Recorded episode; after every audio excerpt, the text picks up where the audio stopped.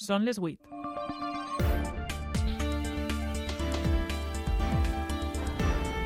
A punt. Les notícies de la nit. Amb Sara Garcia.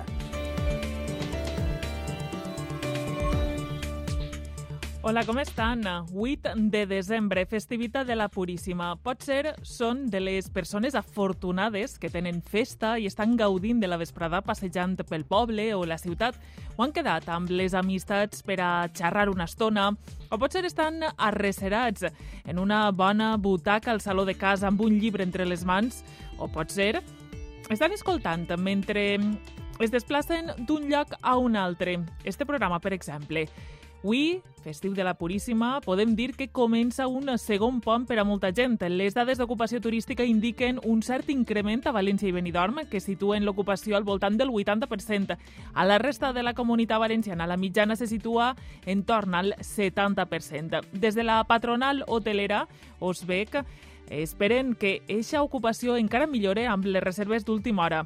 Fede Fuster, president. El balanç és positiu, jo crec que la mitja home falta que acabe el diumenge, no? perquè l'última hora eh, avui en dia és on es ven la majoria d'habitacions, per tant encara estem a temps de vendre el cap de setmana. No? El valencià es domina més, però s'utilitza menys. És una de les conclusions de l'informe sobre el coneixement i l'ús social de la llengua que ha fet públic la Conselleria de Cultura i Educació. Un 23% de la població el fa servir, són 8 punts menys que fa 6 anys. La meitat de les converses eh, que s'inicien no són en valencià, un hàbit en què cauen els mateixos valencianoparlants. De normal, per regla general en castellà. És per costum. Por favor, ¿me puedes hablar castellano? Li parlo el castellà. I també els contarem a les notícies de la nit que el pont als Serrans és un important jaciment d'estegosaures i van viure fa 150 milions d'anys, feien 7 metres de llarg i pesaven al voltant de 5 tones. Maria Sunyer és doctora en paleontologia i directora del Museu del Pont. El lloc on s'han trobat i les característiques i el fet de que ja estem trobant uns quants jaciments eh, vol dir que aquest era el seu lloc de, eh, de vida. Ells estaven habitant així i estan convivint amb altres dinosaures Estes són algunes de les notícies d'avui dijous, 8 de desembre, amb mitja hora, un poc menys de mitja hora per davant, per explicar-les i també la resta, que les coneixem de seguida. Al control tècnic està Hermini Lozano.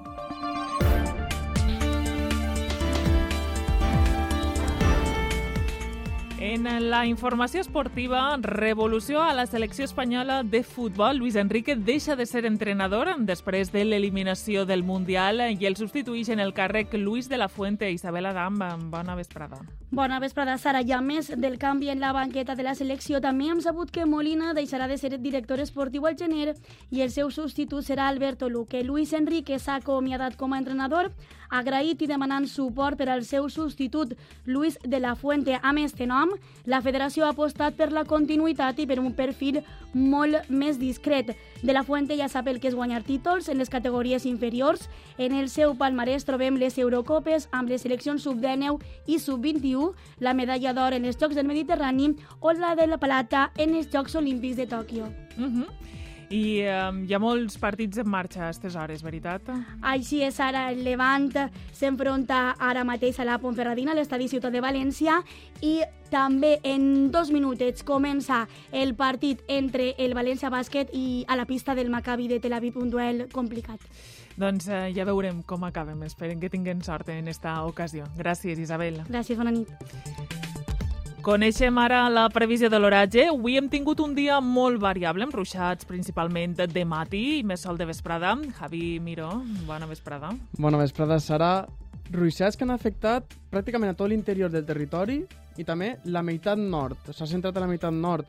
Eh, destacar que s'han registrat fins a 14 litres per metre quadrat a Demus, 13 a Arroyo Cerezo o 9 a Castiel-Fabib. A la Paula de Sant Miquel també han caigut 9 litres per metre quadrat i al pont, que és, és notícia pel descobriment d'aquest jaciment, també han caigut vora 8 litres per metre quadrat. Pluges que, com sol ser habitual en aquestes situacions de ponent, afecten punts de l'interior de València i l'interior de Castelló. Temperatures màximes que s'han quedat prou frenades. Les més elevades s'han donat cap a l'extrem sud del territori, a Oriola o a Bigastre, amb vora de 9 graus. A la resta, entre 14 i 16, i a l'interior una miqueta més fresquetes, entre 12 i 14. Això pel que fa a avui, què, què, què tindrem demà? Demà ens creua un nou front de ponent. Per tant, de matí podrien tindre algun plugim, més restringit a l'interior i poca cosa. Sobretot, destacar que podria ploure una miqueta més al racó de Mus, però menys de 5 litres. I de cara a la vesprada tornarà a creuar-nos un front que molt probablement tindrà una dinàmica molt pareguda al d'avui. Pluges que serien més generals i més generoses en punts de la meitat nord del territori. Demà veurem més el sol i això farà que les temperatures màximes puguen pujar una miqueta més. Uh -huh. I per a la gent que estiga gaudint d'este pont, cara al cap de setmana que tenim, així encara que siga una, una pinzellada. Sí, perquè està relativament clar. Dissabte veurem més el sol, temperatures màximes que començaran a baixar a la meitat nord del territori, a l'interior ja farà fred, perquè bufarà mestral, amb ratxes entre moderades i alguna forta, i tindrem precipitacions de matí en punts de l'interior, molt paregut a la situació de demà de matí, i diumenge sí que ens creua un front més... És un front atlàntic, un front de ponent, però que ve amb bona càrrega d'humitat, per tant, podrien tindre precipitacions que serien prou generals i més generoses a la meitat sud del territori. Eh, regarà tot, pràcticament tots els municipis nostres entre 10 i 30 litres per metre quadrat i fins i tot podria aparèixer la neu a l'interior de Castelló per damunt dels 1.200-1.400 metres. Així que alguna enfarinadeta, nevadeta en punts de muntanya. Uh -huh. Vai, temperatures màximes que seran fresquetes diumenge. Doncs ja veurem si això arriba a passar. Moltes gràcies, Javi. Adeu, fins demà. Adeu. Escoltes a punt. Les notícies de la nit.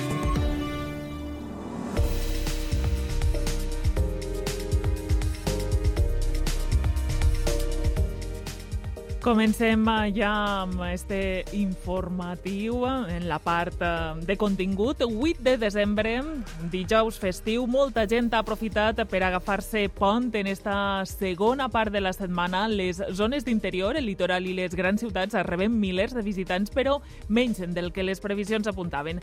L'efecte de la crisi amb l'alça dels preus pot ser una de les causes d'este retrocés. A això hem de sumar l'oratge que tampoc acompanya. La patronal hotelera Osbec parla de menys visites de les previstes en este pont de la Puríssima. L'excepció són Benidorm, com és habitual, i ciutats com València, on espais tan cèntrics i emblemàtics com la plaça de l'Ajuntament, sense pràcticament cotxes que la travessen, són espais atractius per a passejar. Maria Poveda està allà. Maria, quina és la imatge a esta hora? Bona vesprada. Doncs a hores d'ara encara hi ha molt d'ambient. Durant tota la vesprada hem vist rius de gent pels carrers del centre de la ciutat i especialment hacia la plaça de l'Ajuntament. I és que s'han juntat els veïns i veïnes de València i dels pobles del voltant que han aprofitat el dia festiu per a pegar una volta amb els turistes que han aprofitat el pont per a vindre a la ciutat. I no en són pocs, tot i que el sector reconeix que s'esperaven més visitants. De fet, en esta segona part del pont, l'ocupació a la comunitat valenciana rondarà el 70%, una xifra molt semblant a la de la primera part, ja on de nou València i Benidorm encapçalen la llista de destins favorits. El mal oratge, la crisi i la competència amb altres capitals són, segons els experts, els factors que podien haver reduït aquesta xifra de visitants, però tot i això aplaudixen l'ocupació d'un macropont que ha permès que durant 10 dies els turistes hagin triat la comunitat valenciana. Soy de Madrid y he venido a visitar a mi familia, a mi hermana que vive aquí y a pasar estos días. Soy de Córdoba y he venido aquí por trabajo, me lo he pasado la verdad que muy bien y conociendo un poquito la ciudad, que es muy bonita. Soc d'Olot, Girona, i hem vingut a fer una mica de turisme amb la meva dona i els meus amics i estem molt contents perquè ens està agradant molt València, és molt, molt gran, molt tranquil i molt còmode. I la paella molt bona. En l'actual context inflacionista, este pont festiu és eh, del eh, tradicional inici de les compres nadalenques. Les previsions de vendes difereixen entre les grans superfícies que esperen recuperar el volum de vendes d'abans de la pandèmia i el xicotet comerç més preocupat perquè la clientela retalla els diners per a gastar. Ens ho explica Magda Nicolau. Els carrers més comercials s'omplin de gent en l'inici de la campanya de Nadal més cara a causa de la inflació. Els alts preus i la pèrdua de poder adquisitiu es fan mirar més el que gastem. El meu pressupost és molt més ajustat que l'any passat. Tinc cuidado, però ja estic agarrant unes quantes cosetes. Ha subido todo un poquito, sí, pero bueno, Estamos al final... en 400, 500 euros como mucho, en Sí. toda la Navidad, ¿eh? L'arribada del fred també anima les compres. Rafael Torres, president de Confecomerç, confia en el reclam del sector de la moda, fins ara parat per les altes temperatures, però des de l'Associació del Xicotet Comerç són cautelosos amb les previsions nadalenques. compense ese menor gasto esperado por persona con que haya más personas comprando y que probablemente eh, el sector textil, el sector moda, pues tire un poco más del consumo y al final tengamos una cifra, esperemos que parecida al año pasado. Les grans superfícies són més optimistes. Joaquín Cerveró, portaveu del Gran Comerç. Estem tant en afluència com en ventes en xifres molt paregudes a les prepandèmia, a les dels Nadals de l'any 19, que si acabara així la campanya, evidentment seria un èxit.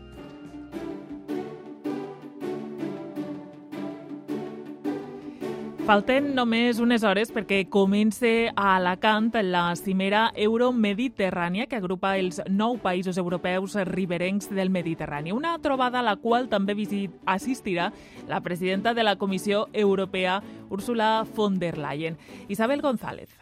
Esta cimera es considera d'alt nivell polític a causa de la situació geoestratègica, econòmica i energètica per la que travessa Europa. Els nou països europeus banyats pel Mediterrani consensuaran una resposta coordinada a qüestions candents en polítiques europees, com ara l'autonomia energètica, la fiscalitat o com es combat la inflació. Marc Vendrell és professor de Ciències Polítiques. Jo crec que les polítiques fiscals i econòmiques tenen que, tenen que anar direccionades cap així, no? Intentar ajudar aquells més afectats per la inflació i que les rentes més altes eh, seguisquen col·laborant en, en mantenir l'estat del benestar. Abans de la cimera que se celebrarà de vesprada a la Ciutat de la Llum, hi haurà una reunió bilateral entre Espanya, Portugal i França, on s'afegirà com a convidada la presidenta de la Comissió Europea, Ursula von der Leyen. Ahir es concretaran els detalls de la construcció de l'hidroducte subaquàtic entre Barcelona i Marsella, que transportarà hidrogen verd des de la península Ibèrica cap al nord d'Europa.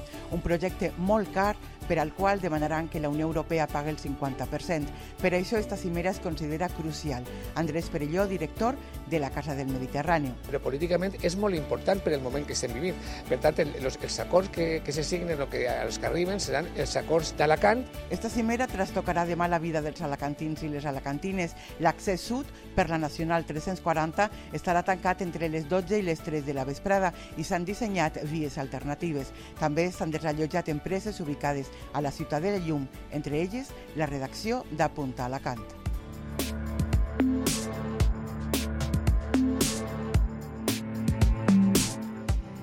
I eh, Benavites, un municipi xicotet del camp de Morvedre, es prepara aquestes hores per a rebre el que este cap de setmana em, assumirà el càrrec d'arquebisbe de València, Enric Benavent, i Amparo Fernández ha estat allí per a comprovar-ho. Bona vesprada. Sí, bona vesprada, Sara. Hem estat en este poblet, com tu dies, menudet, que eh, espera este cap de setmana viure demà especialment ixa festa gran. I és que Enric Benavent, que actualment fins ara havia sigut el bisbe de Tortosa, va a tindre, va prendre possessió d'aquest càrrec, el d'arquebisbe de València, este cap de setmana, però com se sol dir, de la festa la vespra i precisament farà parada demà en este poblet del Camp de Morvedre, a Benavites, perquè així ho diu el ritus litúrgic que ha d'entrar al primer poble de la diòcesi i allí eh, li va dedicar unes paraules a la, als seus veïns i veïnes, a la parròquia de la Mare de Déu dels, dels Àngels. Vos podeu imaginar com un poble tan menut està eh, ple de goig, ple d'entusiasme, d'il·lusió per rebre esta visita molt esperada que qualifiquen d'històrica. Escoltem les paraules del capellà de la parròquia de Guillermo Carrasco. L'arribada d'un arquebisbe a, a, la- a la diòcesi, en este cas a València, sempre és motiu d'alegria i d'esperança. Que siga en el primer poble i un poble xicotet com a Benavites i per primera vegada en la història pues, és eh, una il·lusió i emoció pues, gran.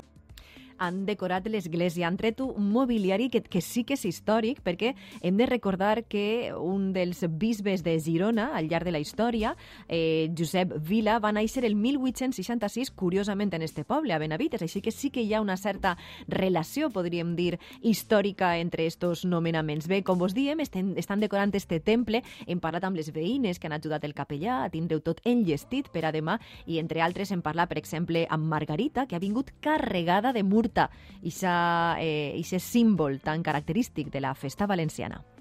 Demà de matí decoraran vostès, Margarita? Sí, eh? ara l'alicataran tota xicoteta i demà de matí la fan, la fan fresqueta i l'enramaran perquè això dona festa. És molta il·lusió perquè és la primera vegada, això és una cosa de la història, no, no ho sabíem i la veritat és que és una cosa que no la veurem mai més. Jo no sé, però jo crec que no, jo per lo menos no. El canvi té que ser dirigit sempre a la joventut, sobretot, i a evangelitzar, que és el que en aquesta època crec que la Iglesia està més carent. I amb aquest missatge ens quedem d'apertura de l'Església a la nova etapa d'Enric Benavent, un home que va néixer a Quatretonda i que ara eh, serà el nou arquebisbe de València este cap de setmana. Moltes gràcies, Amparo Fernández. Gràcies. Les notícies de la nit. I anem a canviar radicalment de qüestió. Sis morts en cinc dies en carrers i carreteres de les comarques del nord en el nefast balanç d'una de les setmanes més tràgiques que recorden. Ahir, sense anar més lluny, dos persones van perdre la vida a la Nacional 340. L'alcohol, les drogues, l'ús del mòbil i les distraccions al volant estan darrere de la majoria dels accidents mortals. Abel Campos, des de la redacció de Castelló, explica'ns. Efectivament, està esdevenint una setmana negra a les carreteres urbanes i periurbanes. Les dues víctimes d'ahir van ser un ciclista atropellat per un cotxe i una motorista que va xocar contra un camió. Dissabte, altre motorista va perdre la vida en un sinistre de trànsit a Sacanyeda, l'Alt Palància. I divendres, tres vianants morien atropellats a l'avinguda de l'Alcora de Castelló de la Plana, el conductor de 24 anys va donar positiu en el test d'alcoholèmia. Ana Novella, presidenta de Stop Accidents, y Francisco López, socióleg de la Fundació Patim. Es que se ha sumado las drogas y de un tiempo a esta parte de forma muy peligrosa está ascendiendo todavía más, ¿no? Y está casi, yo diría que equiparado con el consumo de, del alcohol. Creemos que se está haciendo muy poco en, en prevención Creemos que el tema de, del alcohol debería de tomar una importancia mayor porque está relacionado con, con otras drogas y con otros consumos. Gran part dels sinistres estan ocasionats per factors humans. L'excés de velocitat, les distraccions, les drogues i l'alcohol en són els principals. Escoltem la presidenta de Stop Accidents i el president de la Fundació Patim. Las distracciones al volante por causa del móvil, sobre todo.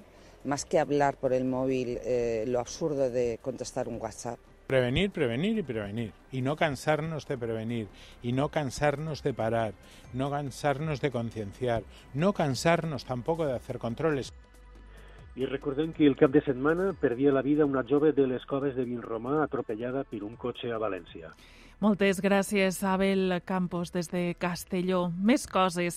Quatre dècades després de l'aprovació de la llei d'ús i ensenyament del valencià, la salut no millora. Cada vegada el domina més gent, però l'ús social recula.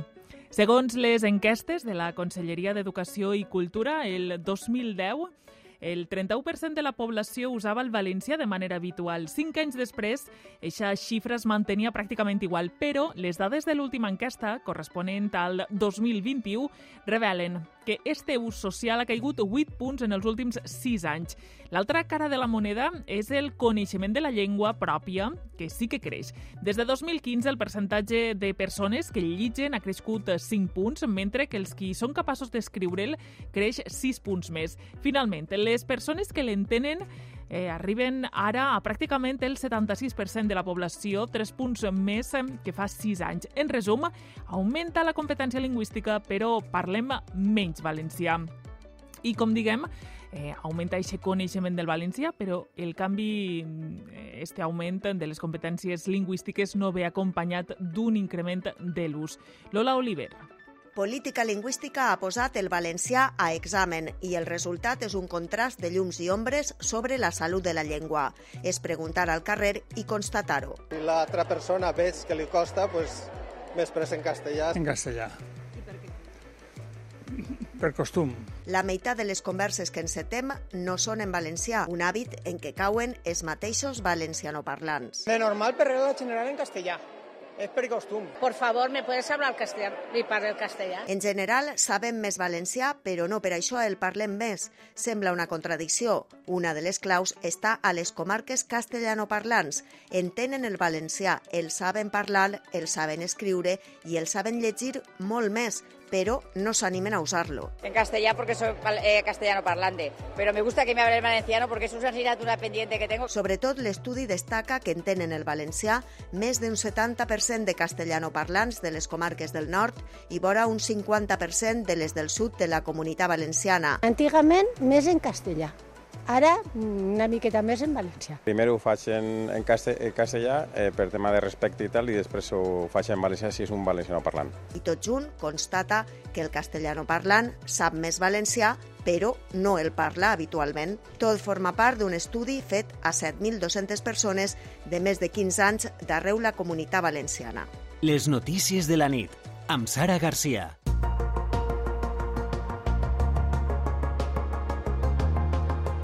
Nou descobriment contra la metàstasi i la mortalitat en els càncers de pit. Es tracta d'un fàrmac de tractament endocrí de nova generació investigat a l'Hospital Vall d'Hebron de Barcelona. Les proves demostren que es pot reduir en més del 40% la possibilitat d'avanç i de mort en casos de metàstasi. Encara està en fase d'experimentació, ja que s'ha demostrat una efectivitat molt més alta que el tractament estàndard que ara s'aplica.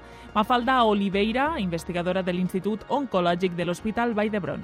En comparación con el fulvestrant, que es el estándar eh, al día de hoy, este fármaco ha demostrado reducir la probabilidad de progresión de enfermedad o de muerte en un, 40, un 45% respecto a lo que es estándar. Y esto es bastante bueno. Y ha duplicado el tiempo hasta la progresión de enfermedad. A punt. Les notícies de la nit. Parlem de política. Podem fa públiques les demandes per a la pròrroga de les ajudes contra la inflació. Segons ha dit l'exdirigent Pablo Iglesias, proposen la creació d'un xec alimentari de 200 a 300 euros per a uns 7 milions de famílies. També la congelació de les hipoteques i de contractes de lloguer i un impost a les grans cadenes de distribució.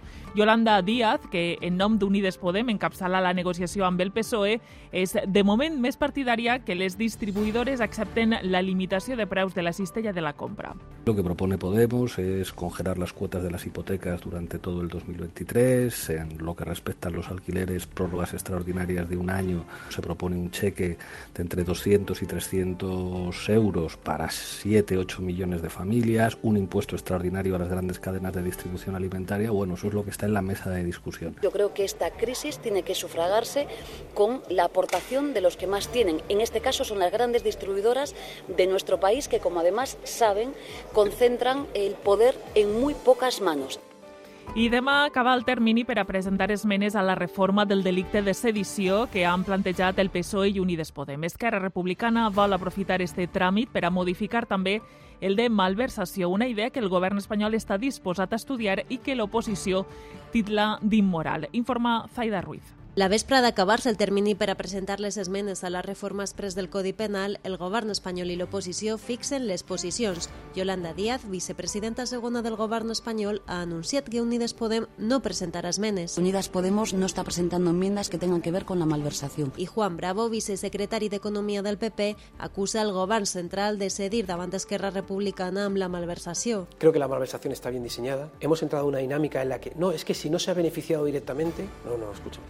El dinero público és sagrado. Els republicans catalans presentaran demà, l'últim dia de termini, la seva esmena a la reforma del delicte de sedició. Proposen rebaixar a 4 anys la pena de presó per a qui no es lucre amb la malversació i que es recupere la regulació d'este delicte que el PP va modificar el 2015 amb els vots en contra de tota l'esquerra.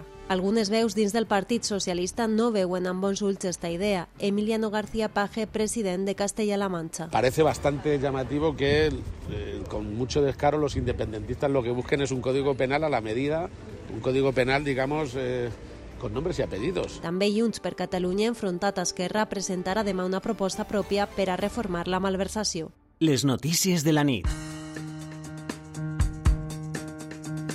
L'exèrcit de terra ha posat en coneixement de la Fiscalia el presumpte sorteig dels serveis d'una prostituta entre militars de la caserna del Bruc a Barcelona. El defensa demana tolerància zero contra les ofenses i agressions a dones i indica que qui realitze o propose aquestes conductes haurà de respondre davant la justícia. Segons ha desvelat el diari Ara, 70 militars en un grup de WhatsApp privat es rifaven els serveis d'una jove prostituïda per tal de recaptar fons per a les festes de la unitat militar. L'exèrcit també ha anunciat una investigació interna. D'altra banda, Salvament Marítim ha trobat els cossos sense vida de tres migrants a bord d'una pastera que havia naufragat a l'altura de Múrcia. En l'embarcació viatjaven altres sis persones que han sigut rescatades. En les últimes hores han arribat quatre pasteres a les costes murcianes amb 35 migrants i 51.000 persones s'han inscrit per a presentar-se a les proves de l'oferta pública d'ocupació que la Generalitat posa en marxa a darreries de gener. S'oferten 588 places en 22 convocatòries distintes per a 14 categories professionals. A més, aquestes proves són les primeres que es fan des que es va entrar en vigor la nova llei de funció pública valenciana que obliga que el 60% de totes les places ofertades siguen per oposició lliure, és a dir, que només tindran en compte els coneixements de les persones que aspiren a entrar en l'administració i la Generalitat haurà d'endeutar-se un poc més per a pagar l'increment dels salaris públics. El pacte tancat pel govern espanyol, que comporta un augment addicional del 1,5% amb caràcter retroactiu a l'1 de gener, obliga l'administració valenciana a demanar diners per a una partida que no estava pressupostada. Escoltes a punt, les notícies de la nit. En internacional ens eh, fixem en Perú. Dina Boluarte és la nova presidenta, la primera dona que governarà el Perú després de l'autocolp fracassat de Pedro Castillo. El és eh, ja exmandatari espera en la presó, acusat de rebel·lió, mentre en els carrers on regna la crispació s'omplin de partidaris i detractors. Arturo Monedero. Dina Boularte, la fins ara vicepresidenta del Perú i advocada d'esquerres, és la primera dona que governarà un país que ha tingut sis líders en només cinc anys. Espera consumir el mandat fins a juliol del 2026, però ho tindrà complicat. Un dels principals reptes serà unir una societat molt polaritzada. Convocar a la más amplia unidad de todas y todos los peruanos. Era fidel a Pedro Castillo, però ha condemnat el que anomena un intent de colp d'estat. Podria dir-se que arriba al poder de carambola. Establecer un gobierno de excepción orientado a restablecer el Estado de Derecho y la democracia. D'esta manera, l'exmandatari tractava d'eludir la moció de censura, però el Parlament li ha guanyat el torcebràs. 101 congressistes han votat a favor de la destitució. Se procederá al régimen de sucesión presidencial poc després, Castillo, acusat de rebel·lió, hauria tractat de fugar-se presumptament a Mèxic, on havia demanat asil polític. La policia l'ha detingut finalment i l'ha traslladat a la presó de Barbadillo. Resta per saber la condemna, però tots els presidents del Perú de l'últim quart de segle han acabat processats per corrupció. Estàs escoltant A punt, les notícies de la nit.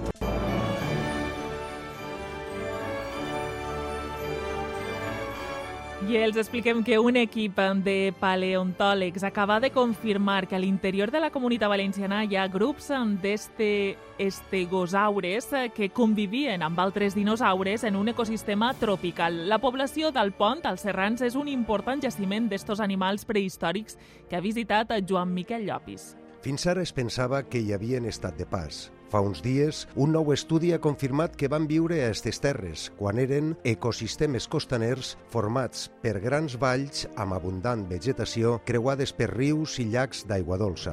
Maite Sunyer, doctora en paleontologia i directora del Museu del Pont. El lloc on s'han trobat i les característiques i el fet de que ja estem trobant uns quants jaciments eh, vol dir que aquest era el seu lloc de, de vida.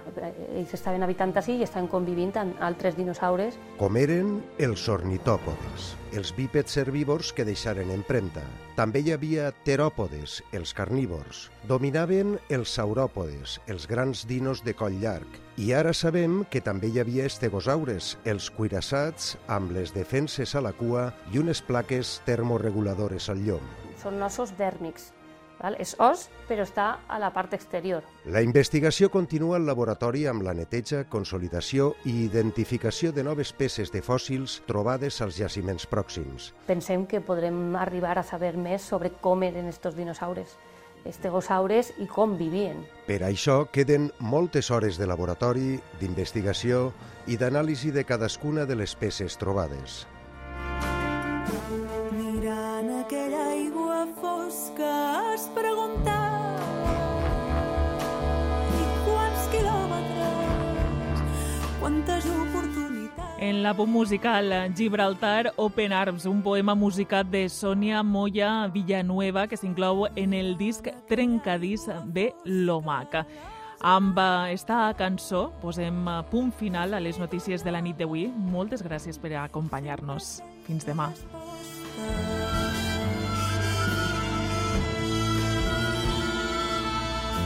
Quants dubtes per recomençar, quanta por per vèncer la por, quanta sal caldria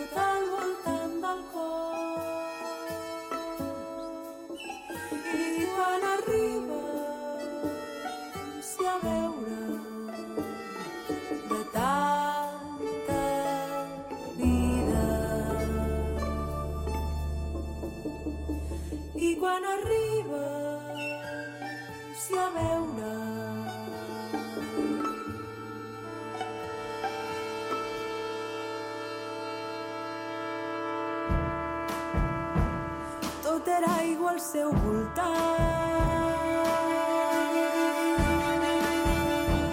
Tot era aigua. Tot era aigua al seu voltant.